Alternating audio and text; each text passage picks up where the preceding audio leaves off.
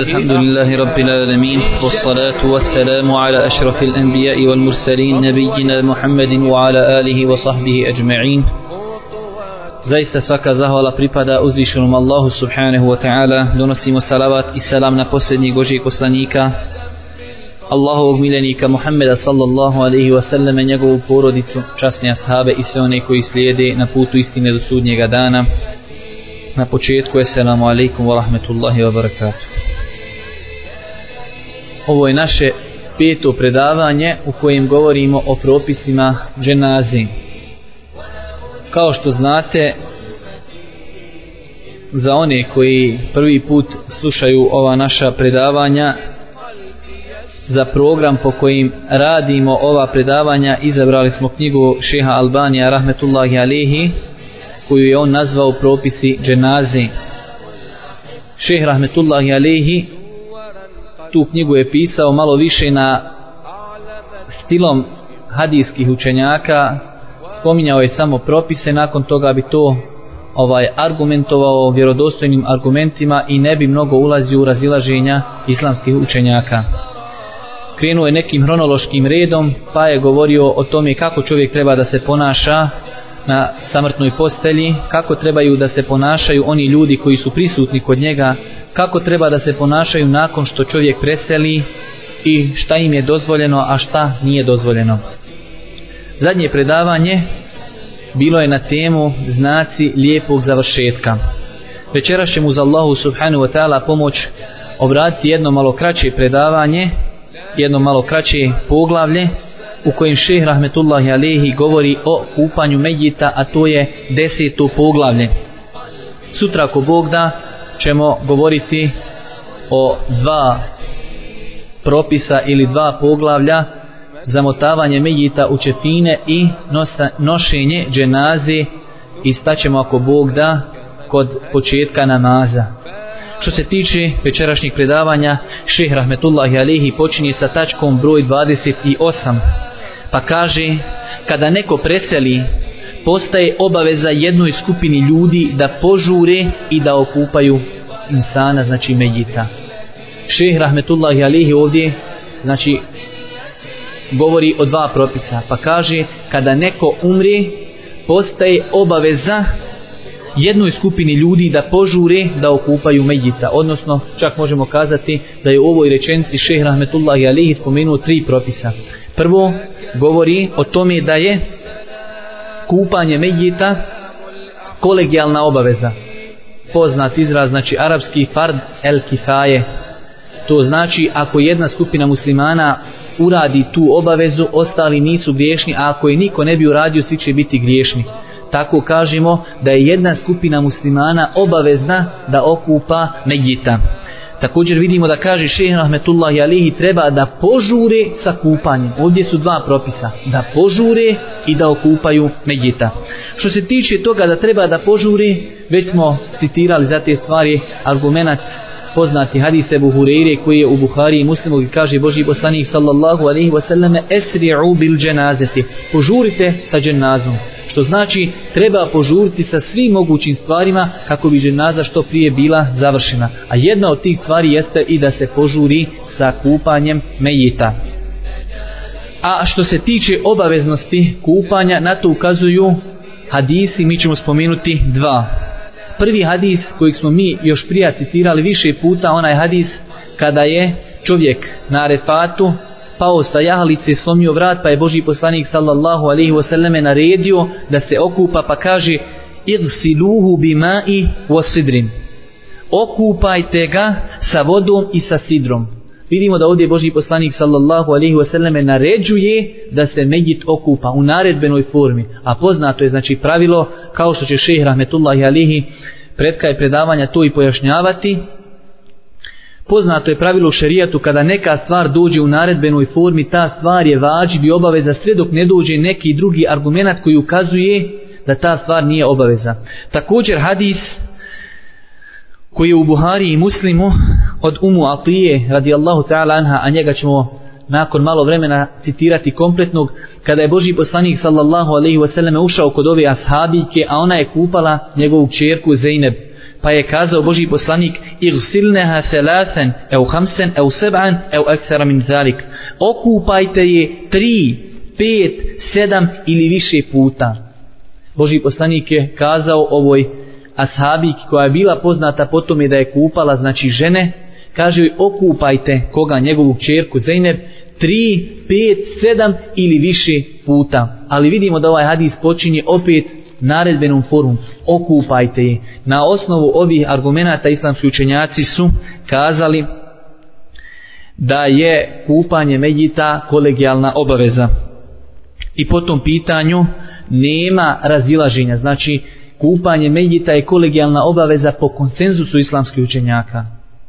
Po konsenzusu islamskih učenjaka jedna skupina muslimana je obavezna da okupa mejita, a istog se samo izuzimaju određene skupine ljudi kao što je, na primjer, kupanje šehida. O tome ćemo ako Bog da govoriti malo poslije. To što se tiče 28. tačke. 29. tačka kaže šehr Rahmetullahi Alehi, prilikom kupanja mejita treba voditi evidenciju o sljedećim stvarima. Malo, ova tačka će biti malo duža i opširnija. Znači, kaže šejh Rahmetullahi Alihi, kada se kupa Medjit, ona osoba koja kupa Medjita trebala bi da vodi evidenciju o sljedećim stvarima. Prva stvar jeste da okupa Medjita tri puta ili više.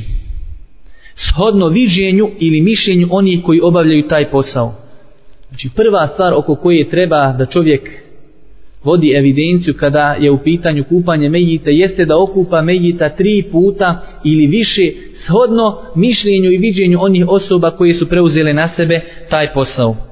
Znači šeh vidjet ćete kako je sad spomenuo je devet tačaka, nakon toga je spomenuo jedan argument koji ukazuje na ovo sve što je spomenuo. Druga stvar, kaže šeh, rahmetullahi alihi, da broj kupanja bude neparan da broj kupanja bude neparan.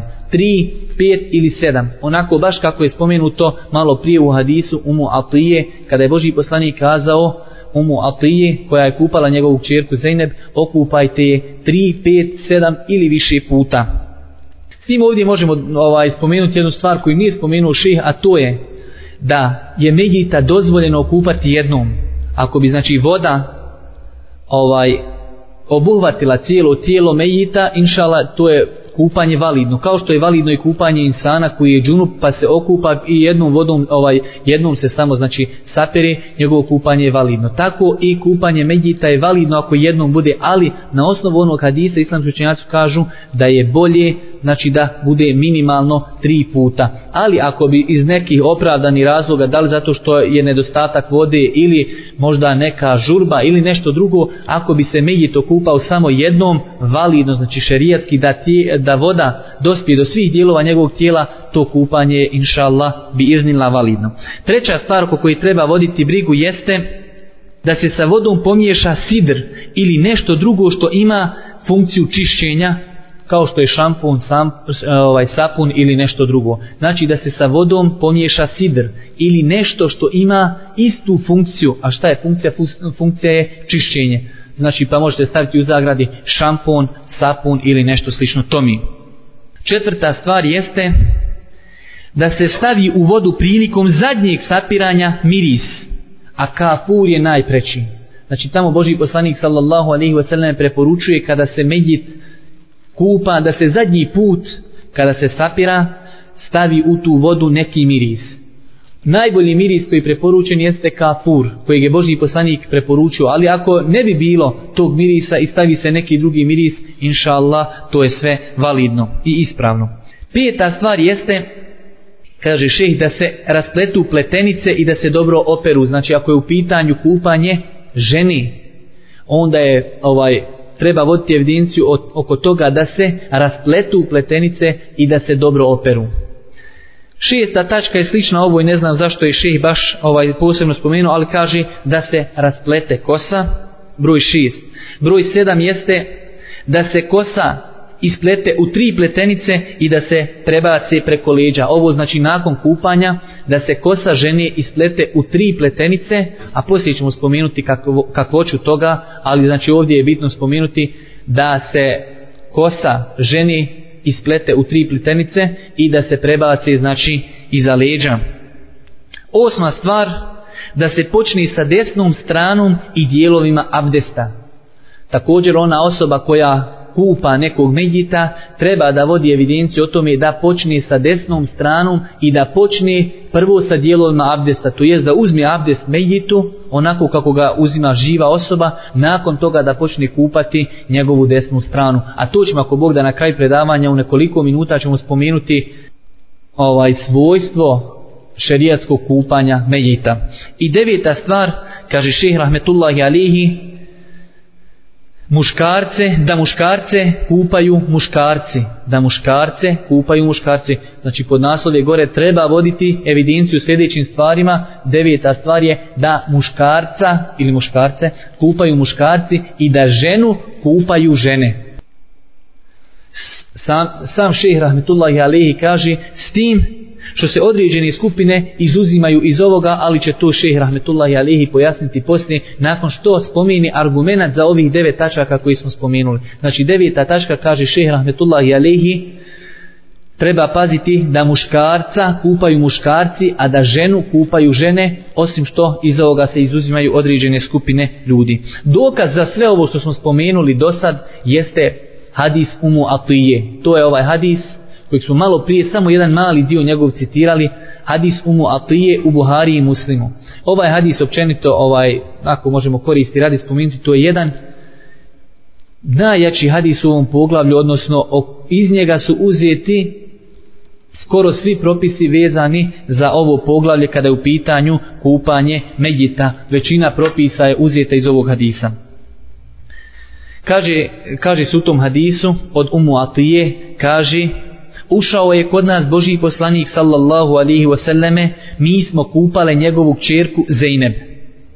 Pa je kazao, okupajte je tri ili pet ili sedam ili više puta ako to vidite potrebnim. Pa sam rekla, neparno, pa je rekao da. Zadnji put pomiješajte sa vodom kafur, kada završite obavijestite me, pa kada smo završile obavijestile smo ga pa nam je dao svoj ogrtač i kazao pokrijte je ovim ogrtačem. Rekla je znači ona sad umu atije malo miješa znači u ovom hadisu radnje koje su oni radili. Faktički sada je spomenula sve od prilike do kraja pa se sada opet vraća šta su one radile i kako su radile pa kaže zatim smo joj raspleli kosu a zatim oprale kosu, pa smo njenu kosu opleli u tri pletenice, jednu sprijeda, a dvije sa strani i prebacile ih iza. Spustili smo ih niz leđa, rekao nam je Boži poslanik sallallahu alaihi wasallame, počnite sa desnom stranom i od dijelova tijela koji se peru pri abdestu. Vidite da ovdje kroz ovaj hadis, da je šeha Albani rahmetullahi alaihi iz njega ovaj uzeo ovih devet tačaka koji smo malo prije spomenuli. Hadis je zabilježio Buharija, Muslim, Ebu Davud, Nesai, Tirmizi, Ibnu Mađe, Ibnu Đarud, Ahmed, a hadis je bez imalo sumnje vjerodostojan samim time što se nalazi u Buhariji i Muslimu. Deseta stvar koju spominje šeh da čovjek treba da vodi evidencije o toj stvari prilikom kupanja jeste da čovjek kada kupa medjita zamota svoju ruku u krpu. Znači da ne dodiruje medjita golom rukom već da ovaj umota svoju ruku u krpu kaže še ili nešto što je slično krpi. Znači da čovjek zamota ruku u krpu ili neš, u nešto drugo što je slično krpi. To će raditi ispod ogrtača nakon što se skine sva odjeća sa medjita nakon što se skine sva odjeća sa medjita tako su radili u vrijeme Božijeg poslanika kao što upućuje hadisa Iše. Znači ponovit ćemo još jednom ovu stvar, znači treba voditi evidenciju o tome da čovjek zamota svoju ruku u krpu ili nešto slično njoj i da pere medjita ispod ogrtača nakon što se skine sva odjeća sa medjita tako su radili u vrijeme Božijeg poslanika sallallahu alihi wasallame kao što na to upućuje hadis Aiši. Evo hadisa Aisha radijallahu ta'ala anha gdje kaže kada su htjeli kupati Božijeg poslanika sallallahu alihi wasallame kazali su tako nam Allaha mi ne znamo da li da skinemo odjeću sa Božijeg poslanika kao što činimo sa ostalim umrlim muslimanima. Vidite ovdje, iz ove rečenice islamski učenjaci su uzeli to da je za ovaj praksa za vrijeme Božijeg poslanika bila da su oni skidali sa mejita svoju odjeću. Kako oni kažu? Tako nam Allaha mi ne znamo da li da skinemo odjeću sa Božijeg poslanika kao što činimo sa ostalim umrlim muslimanima ili ćemo ga kupati u odjeći. A savi znači kada je Božji poslanik preselio i došlo je vrijeme da trebaju da ga okupaju, razišli su se. Pa su neki kazali, treba skinut, skinut odjeću Božijeg poslanika kao što se skidaju i ostali mejiti. A drugi su opet iz poštovanja prema poslaniku kazali ne. Pa su se razišli oko tog ovaj pitanja. Ali vidimo u početku gdje kažu da li ćemo skinuti odjeću sa njega kao što skidamo odjeću i sa ostali mejita, znači ostali muslimanski mejita. Pa onda kaže Aisha radijallahu ta'ala anha, pa kada su se razišli, ne znači tijelima, već kada su se razišli po tom pitanju, Allah ih je uspavao. Tako da su svi prisutni utonuli, utuno, utonuli u duboki san. Tako da su njihove brade dotaknule njihova prsa. Znači svi su tako duboko zaspali. Allah Đerlešanu je dao da su svi zaspali toliko duboko da su se njihove brade znači spustile na njihova prsa pa su začuli nepoznati glas okupajte poslanika u njegovoj odjeći pa su ustali i okupali poslanika u njegovoj odjeći sipali bi vodu po odjeći trljajući njegovo tijelo odjećom a Aisha je govorila da sam znala šta će se desiti ne bi niko okupao Božijeg poslanika osim njegove žene hadis je zabilježio imam Ebu Davud imam Ibnu Đarud, Hakim, Bejheqi, Tajalisi, Ahmed, a hadis je vjerodostojan. Znači iz ovog hadisa se uzima pouka i propis, jedan od propisa, a neke propise ćemo poslije spomenuti, jeste i to da se mejit treba, znači da se sa mejita skine sva odješa a poslije ćemo spomenuti da je obaveza vađi po konsenzusu islamskih učenjaka da se mejit, znači njegovo stidno mjesto da se prekrije čaršafom i da nije dozvoljeno onoj osobi koja kupa mejita da gleda u njegova stidna mjesta. Znači po konsenzusu islamskih učenjaka osoba koja kupa mejita ne smije gledati u njegova stidna mjesta već treba da to prekrije znači čaršafom ili platnom. E, šehr Rahmetullahi Alihi sada se vraća malo nazad pa kaže iz četvrte tačke a to je šta je bila četvrta tačka? Da se ovaj stavi zadnji put u vodu miris. A najbolje kaže kafur pa šeh rahmetullah i alihi kao da se vraća pa kaže iz četvrte tačke se izuzima osoba koja preseli u ihramima. Sjeća se, sjećate se tamo hadisa kada smo govorili da je Boži poslanik kazao onim osobama koje su kupale tog ashaba koji je preselio u ihramima kaže wala tu tajibuhu nemojte ga mirisati jer će on biti proživljen na sudnjem danu ovaj da donosi telbiju. Također kaže šejh rahmetullahi alihi iz devete tačke, a deveta tačka je bila koja da ovaj muškarac muškarca kupaju muškarci, a ženu kupaju žene, kaže šejh rahmetullahi alihi iz te devete tačke se izuzimaju supružnici iz te tačke se izuzimaju supružnici. Pa kaže šej, svakom od njih je dozvoljeno da preuzme kupanje svog supružnika zato što nema dokaza koji to zabranjuju, a osnova je da je to dozvoljeno, a naročito to potvrđuju hadisi. Vidimo kako šejh rahmetullahi alehi jačinu njegovog fikha i njegovog znanja u nekoliko riječi nam pojašnjava ovaj propis. Pa kaže, o, dozvoljeno je supružnicima da jedno drugo kupaju nakon smrti. Pa on to argumentuje. Kaže, zato što nema argumenta koji ukazuje da je to zabranjeno. Prva stvar. Nema dokaza koji ukazuje da je to zabranjeno. A kaže naročito nakon toga možemo pridodati to da hadisi vjerodostojni potvrđuju da su te oba dvije situacije dozvoljene a šta su te dvije situacije? Da je dozvoljeno mužu da kupa svoju suprugu i da je dozvoljeno supruzi da kupa svoga muža. Pa prvi hadis jeste hadis koji smo malo prije citirali od Aiše ovaj zadnji samo dio gdje kaže Aiša radijallahu ta'ala anha da sam znala šta će se desiti ne bi niko okupao Božijeg poslanika osim njegove žene.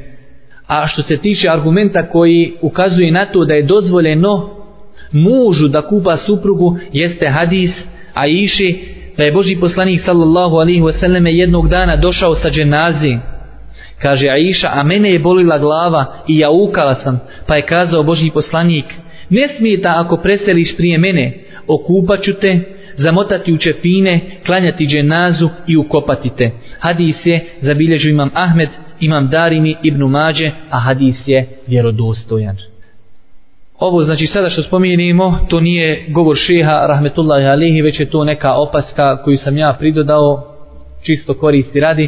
Znači kada pogledamo u knjige prava i fikha, vidjet ćemo da nema razilaženja kod islamskih učenjaka je li dozvoljeno ženi da kupa čovjeka. Po konsenzusu islamskih učenjaka ženi je dozvoljeno da okupa svoga muža nakon smrti. Po konsenzusu. Na osnovu onog hadisa malo prija Iši radijallahu ta'ala gdje kaže da sam znala šta će se desiti, ne bi okupao Božih poslanika niko osim njegovih žena. A što se tiče toga da čovjek kupa svoju ženu, velika većina islamskih učenjaka zastupa mišljenje da je mužu dozvoljeno da kupa suprugu, a jedan od učenjaka koji to zastupa jeste i šeh Albani rahmetullahi alihi koji to potvrdio malo prije. S tim što ćemo naći učenjake Hanefijske pravne škole i još nekoliko učenjaka iz prvih generacija koji su to smatrali zabranjenim, argumentujući to analogijom gdje kažu da čovjek kada preseli njegova supruga, prekida se bračni ugovor i ona time postaje njemu strankinja i njemu nije dozvoljeno da je kupa, zato što je ona znači strankinja njemu.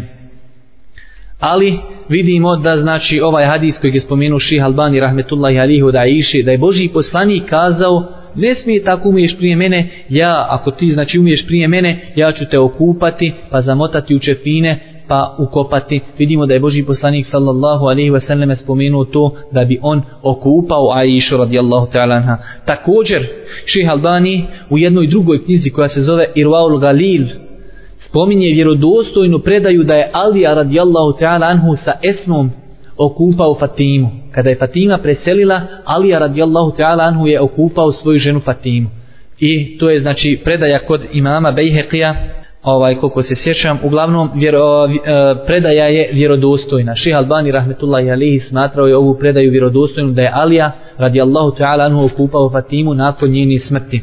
I treća stvar, odgovor na analogiju, ovaj da analogija nije ispravna ukazuje na to da kada preseli žena čovjek ima pravo da je nasljeđuje i to ukazuje da bračni ugovor ima svoje posljedice i nakon smrti tako da je dozvoljeno čovjeku da kupa svoju suprugu nakon smrti Allah Želešanu najbolji zna 13. stvar znači oko, o kojoj treba voditi evidencije prilikom kupanja ili možda neki drugi broj ova jeste da preuzme obavezu kupanja onaj ko najbolje zna kupanje po sunnetu da preuzme kupanje obavezu kupanja onaj. Ko najbolje zna kupanje po sunnetu a naročito ako je neko iz porodice mejita ili njegovih rođaka. Jer su oni koji su kupali poslanika bili po spomenutim svojstvima.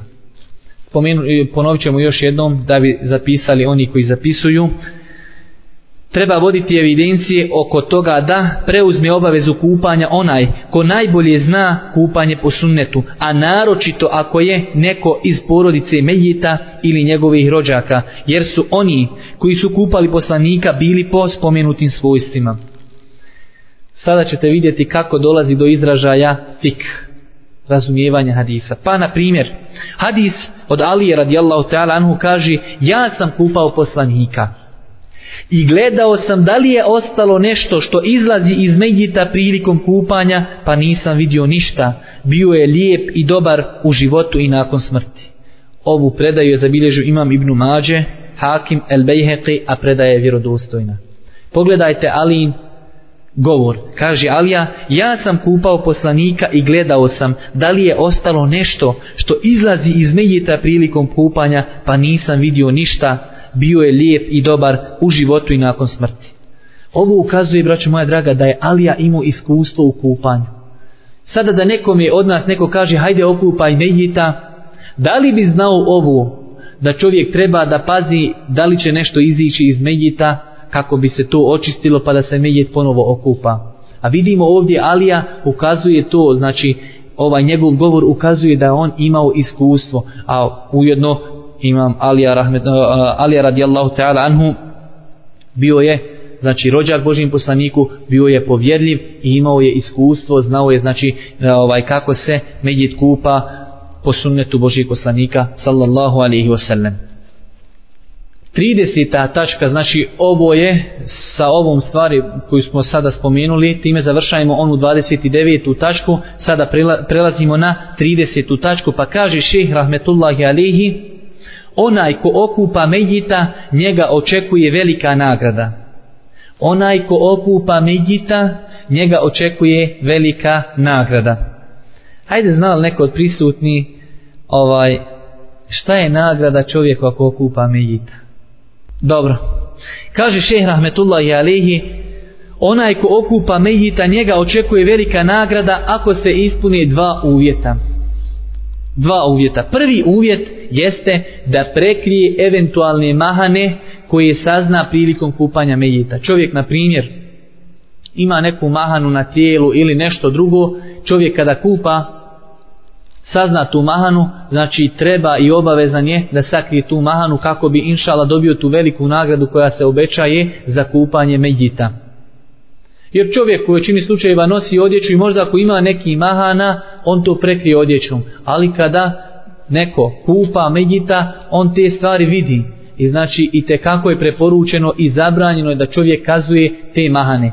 Pa kaže šeheh rahmetullahi alihi, to zbog hadisa, da je Boži poslanik sallallahu alaihi wasallam kazao ko okupa muslimana pa prekrije ono što vidi Allah će mu oprostiti 40 puta ko okupa muslimana pa prekrije ono što vidi Allah će mu oprostiti 40 puta a komu iskopa kabur i sahrani ga misli se znači zatrpa pokopa ga teći će mu nagrada kao nagrada da ga je nastanio do sudnjeg dana. Kad čovjek ode i nekome iskopa, medjitu iskopa kabur, kaže on će imati nagradu, teći će nagrada do sudnjeg dana, sve tolika nagrada kao da mu je dao stan do sudnjega dana. Odnosno jesi, dao si mu stan u kojim će živjeti ako Bog da sve do sudnjega dana. I treća stvar, kaže, e, kaže se u ovom hadisu, a koga odjeni čefinima, Allah će ga odjenuti na sudnjem danu u džennetsku odjeću od dibe i kadife. Hadis je zabilježio imam Ibn Hakim el Bejheqi od Ebu Rafi, a hadis je vjerodostojan. U predaji imama Taberanija stoji gore gdje se kaže oprostit će mu 40 puta, kaže se kod njega oprostit će mu 40 velikih grijeha. Znači ko okupa brata muslimana i prekrije njegove osobine, Allah će mu oprostiti 40 velikih grijeha kao što je došlo u predaji imama Taberanija rahmetullahi alihi. I drugi uvjet, znači ovo je bio prvi uvjet da bi čovjek dobio veliku nagradu za kupanje medjita, prva stvar jeste da sakrije eventualne mahane koje sazna I druga stvar jeste da to uradi tražići Allahovu subhanahu wa ta'ala zadovoljstvo. Ne tražići dunjalučku nagradu, niti zahvalu, niti bilo šta od ovo dunjalučki dobiti. Znači da tim dijelom traži Allahovu subhanahu wa ta'ala zadovoljstvo, ne želijeći time ovo dunjalučku nagradu, niti zahvalu, niti bilo kakvu ovo dunjalučku dobiti kaže šeheh rahmetullahi alihi, kao što je opće poznato da Allah ne prima osim dijela koja su urađena iskreno radi njega, na to ukazuju mnogi argumenti, pa je šeheh spomenuo mnogo argumenata, ali pošto ovo nije vrijeme spominjanja, dovoljno je spomenuti onaj hadis Omera radijallahu ta'ala anhu, innemel a'malu bin nijat, zaista se dijela cijene i vrednuju po namjerama. To je jedan hadis koji je spomenuo šeheh rahmetullahi alihi, spomenuo je više hadisa, ali ja nisam ovaj smatrao da ih trebamo prevoditi. 31. tačka, uglavnom da rezimiramo prije nego što spomenu 31. tačku, znači šehr Rahmetullahi Alihi kaže ona osoba koja okupa medjita očekivati je za nju veliku nagradu po dva uvjeta. Prvi uvjet je da sakrije ili prikrije eventualne mahane koje vidi prilikom kupanja i druga stvar da tim dijelom želi samo Allahu subhanahu wa ta'ala zadovoljstvo da ne traži nikakvu ovo dunjalučku nadoknadu.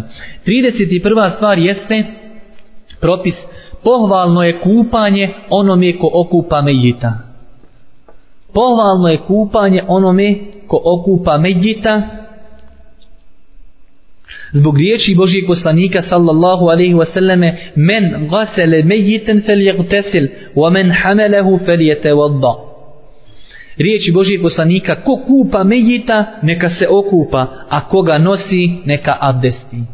Znači riječi Božijeg poslanika sallallahu alaihi wasallam gdje kaže ko kupa mejita neka se okupa a koga nosi, ko nosi samo dženazu neka abdesti. Hadis je zabilježi imam Ebu Davud, et Tirmizi, Ahmed od Ebu Hureyri, a hadis je vjerodostojan. Eh, vidimo ovdje dolazimo u, znači, da kažemo jedan problem, a to je, vidimo da je ovaj hadis u naredbenoj formi, a malo prije smo mi spominuli jedno pravilo, a to je, kada neka stvar dođe u naredbenoj formi, ta stvar je obaveza sve dok ne dođe neki drugi argument koji tu naredbenu formu spušta na neki niži nivo. Vidimo ovdje, kaže Boži poslanik, ko kupa medjita, neka se okupa, naređuje. A koga bude nosio, neka abdesti. A šta smo, kako smo počeli rečenicu, kaže šej, pohvalno je da se okupa.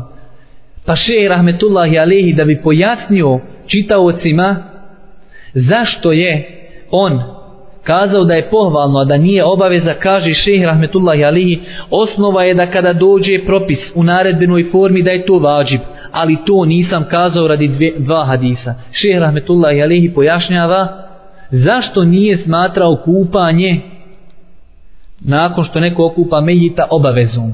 Pa kaže, to nisam smatrao zbog dvije predaje, zbog dva hadisa. Prvi hadis, kaže Boži poslanik sallallahu alaihi wasallame, kada okupate medjita, niste obavezni da se okupate, jer vaši medjiti nisu nečisti, dosta vam je da operete ruke. Hadis je zabilježi imam Ibn Hakim, El Hakim, Bejheqi, a hadis je dobar. Znači, Boži poslanik sallallahu alaihi wasallam je kazao, kada okupate medjita, niste obavezni da se okupate, jer vaši medjiti nisu nečisti, dosta vam je da operite ruke. Također, predaja, znači druga predaja zbog koje šeha Albani rahmetullahi alihi nije kazao da je to obaveza, jeste predaja od Ibnu Omera gdje kaže mi smo kupali medjite, pa su se neki kupali nakon toga, a neki nisu. Vidimo znači da ashabi nisu praktikovali to da je obaveza. Već su neki se kupali, a neki nisu. Ovu predaju zabilježio imam Darakutni, a, a predaja je vjerodostojna od Ibn Omera radijallahu ta'ala anhu. Dobro. Znači, shvatili ste ovaj propis da nije čovjeku obaveza da se okupa od kupanja mejita, niti da uzme abdest nakon njegovog nošenja. 32, tačka broj 32, nije propisano kupanje šehida, koji šehida, koji preseli u borbi, pa makar bio džunup. Nije propisano kupanje šehida koji preseli u borbi ovo se odnosi samo propis na šehide koji preseli u borbi. Baš oni šehidi koji su ashabi uvijek smatrali. Kada god je Boži poslanik pitao ko su šehidi kod vas, oni su uvijek rekli oni koji preseli u borbi. E ti šehidi, oni se ne kupaju, kaže ših, rahmetullahi alihi, pa makar bio i džunup. Hajde sad ja vas upitam prije nego što ovaj zapišemo hadis. Ko je poznati ashab kojih su kupali meleki? Greška dalje, ko ima još reći. To trebate svi znati, ja hoću vas da pitam, imaju još jedan asab za koji ja nisam znao da su ga meleke okupali dok nisam čitao ovu knjigu, a poznato je da su Hanzalo okupali meleke, Allah vas pomogu. Već postoji još jedan asab kojeg su okupali meleke, a mi to u 99% slučajeva nismo nikada čuli za te hadise vjerodostojne.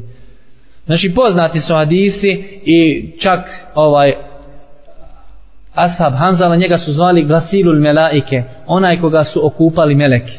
To je poznato, citirat ćemo predaj zato, ali šeha Albani rahmetullahi alihi ovdje navodi predaju vjerodostojnim gdje stoji da su meleki okupali Hanzalu i da su okupali Hamzu ibn Abdul Mutaliba jer su obodvojica preselili na Uhudu i obodvojica su bili džunup u tom stanju kada su preselili. Pa dobro, pišemo, kaže šeha rahmetullahi alihi, o tome govori hadisi.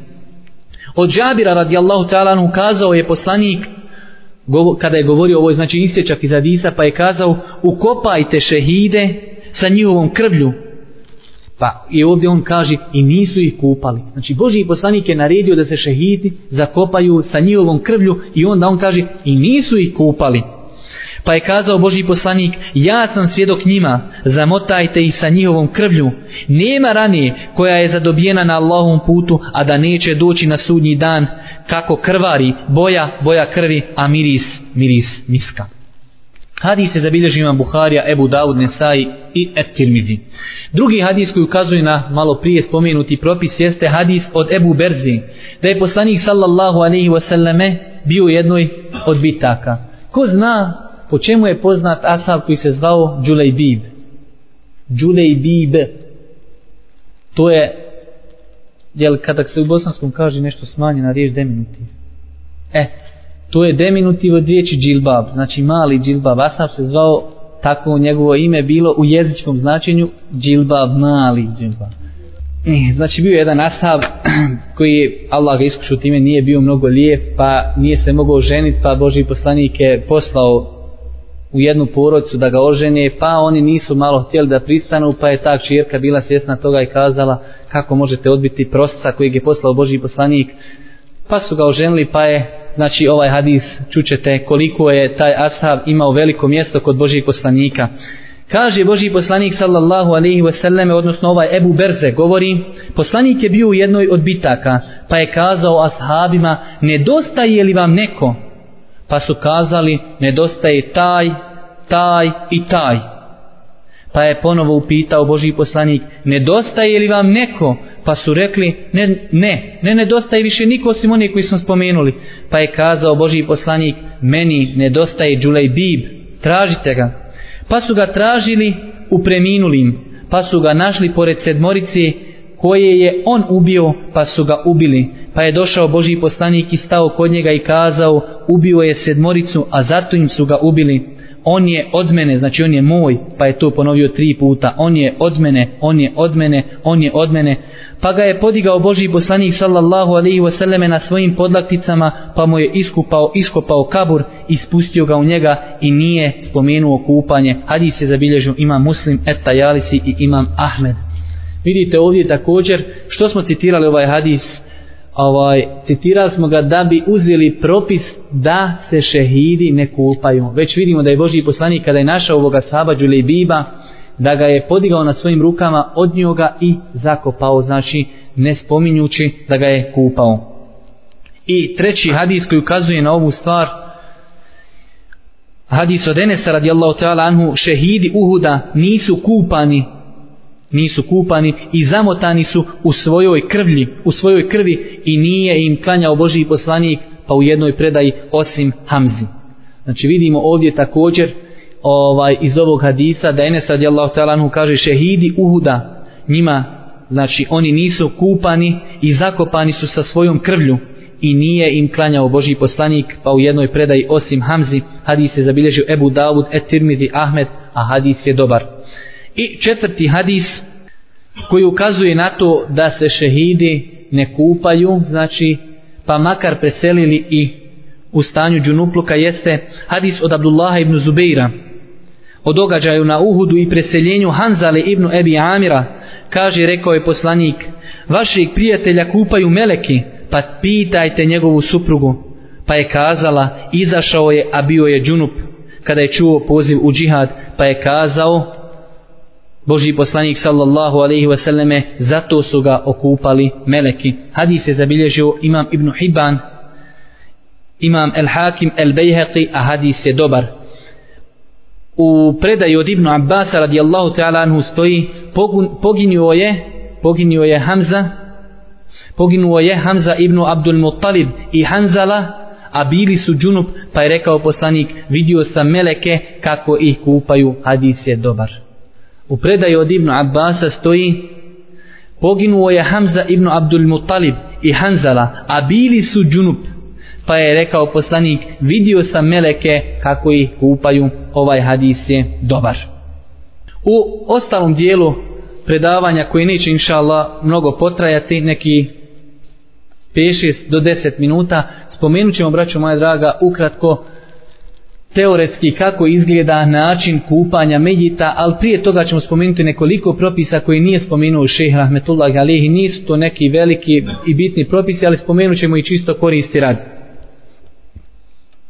Prva stvar, pa način kupanja možete staviti pod naslov. Prva stvar možete staviti znači kao neke podtačke kao napomene koje še rahmetullahi alehi nije spomenuo jeste mejita će kupati osoba koja ima prethodno iskustvo. Znači zato smo spomenuli hadis od Ali radijallahu ta'ala anhu. Također hadis Umu Atije. U nekim predajima stoji da je Umu Atije bila poznata potom tome da je kupala žene pa kada bi neka žena preselila oni su slali po nju da ona kupa žene. Tako da vidimo da se u tome gleda znači u kupanju mejita da to preuzme na sebe osoba koja ima iskustvo.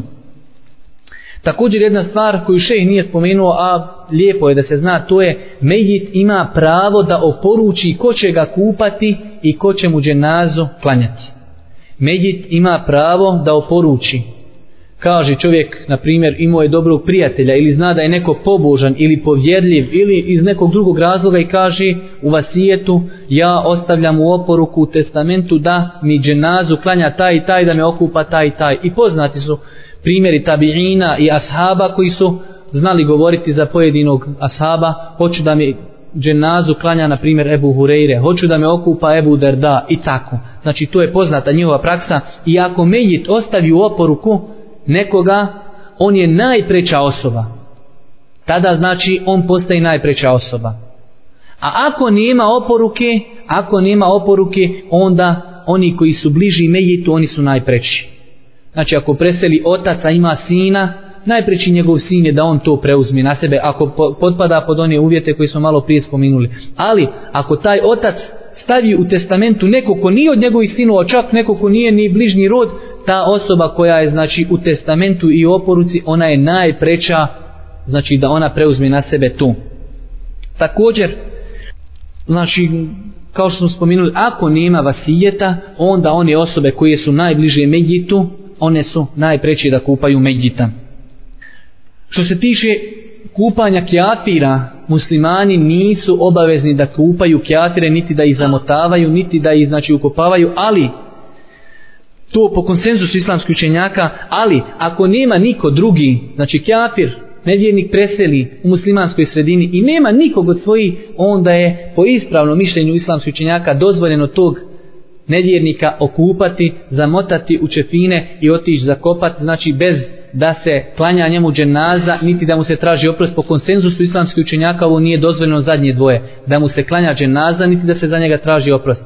Ali, ima razilaženje da li je dozvoljeno njemu ovaj da, da ga čovjek okupa, da ga zamota i da ga za, za, ovaj, zamota u čefine. Ispravno mišljenje je da je to dozvoljeno ako nema niko drugi. Jer Boži poslanik sallallahu alaihi wasallam je naredio Ali radijallahu ta'ala anhu kada je preselio Abdul Muttalib posluje Aliju i naredio mu ovaj da ga okupa i da ga zakopa.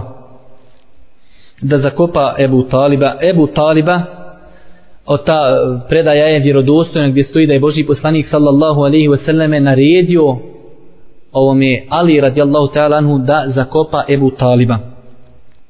S druge strane, ovaj, također ne postoje argumenti koji ukazuju da je to zabranjeno. Znači postoji tu razilaženje da li to se može ili ne može, ali kada pogledamo u šerijat nećemo naći argumente koji ukazuju da je to zabranjeno, a s druge strane imamo argumentat koji ukazuje da je Boži poslanik dozvolio i naredio Ali da ukopa Ebu Taliba i tako, ovaj, na osnovu toga kažemo, ako nema niko od njegovih, znači, rođaka, nevjernika, onda je to dozvoljeno muslimanima. Što se tiče toga da kjafir kupa muslimana, to ne može znači postavu sve u lemi. Ne može kjafir kupati muslimana. Sada možemo krenuti nekim ovaj hronološkim redom, ako mognemo se držati tog reda. Uglavnom, Medjit kada se postavi na sto za kupanje skinut će se sa njega odjeća ako to već nije prijethodno učinjeno.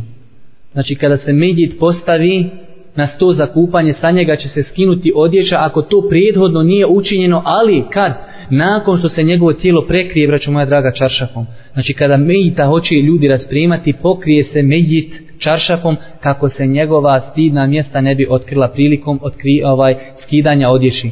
Tako po konsenzusu islamskih učenjaka nije dozvoljeno da se znači skida odjeća sa Medjita, a da, nije pre, da nisu prekrivena njegova stidna mjesta i nije dozvoljeno po konsenzusu islamskih učenjaka gledati u stidna mjesta Medjita. Također, ako je Medjit stari od sedam godina, nije dozvoljeno dodirivati golom rukom njegova stidna mjesta. Znači nije dozvoljeno ako je mejit stari od sedam godina golom rukom dodirivati njegova stidna mjesta, već je obaveza da se ruka, zamot, da se ruka zamota u krpu peškir, znači ili nešto slično tomi. Nakon što je se to uradilo, znači nakon što je se mejit raspremio, šta se radi? Prva stvar, mejit se polako ispravi u sjedeći stav. Mejit se polako ispravi u sjedeći stav i lagano osim trudnica. Znači iz ovog, ovaj propis ne obuhvata trudnicu, lagano se rukom pritisni njegov stomak.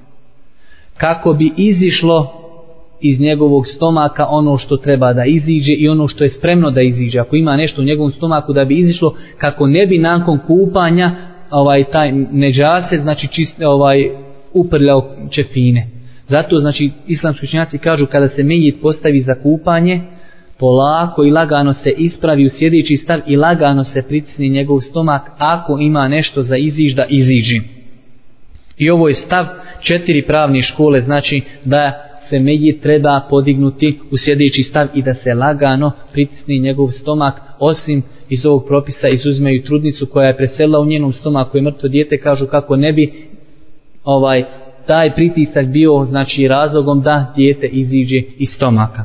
Dobro, Nakon toga uzima se abdest Mejitu, ima tu razno razni razilaženja, da li Mejitu čistiti usta, ne čistiti usta, oko toga nećemo ulaziti, znači pošto su to neke sitnice i nemamo dovoljno vremena za to, ali kažemo generalno Mejitu se uzima abdest kao što se uzima živoj osobi. S tim što zasigurno ne može se Mejitu znači potpuno uzeti abdest kada je u pitanju ispiranje usta i nosa, jer zna se da ispiranje usta biva da čovjek uzme u ovaj vodu u usta i da je on malo provrti u ustima i da vodu uvuče u nos. Ako je medjit mrtav, ne može on uvući vodu u nos pa da voda ta poslije ovaj se istekne tako da znači ovaj u osnovi i kada je u pitanju uzimanje abdesta za živu osobu po ispravnijem mišljenju i većinskom dijelu islamskih učenjaka pranje usta i nosa je sunnet.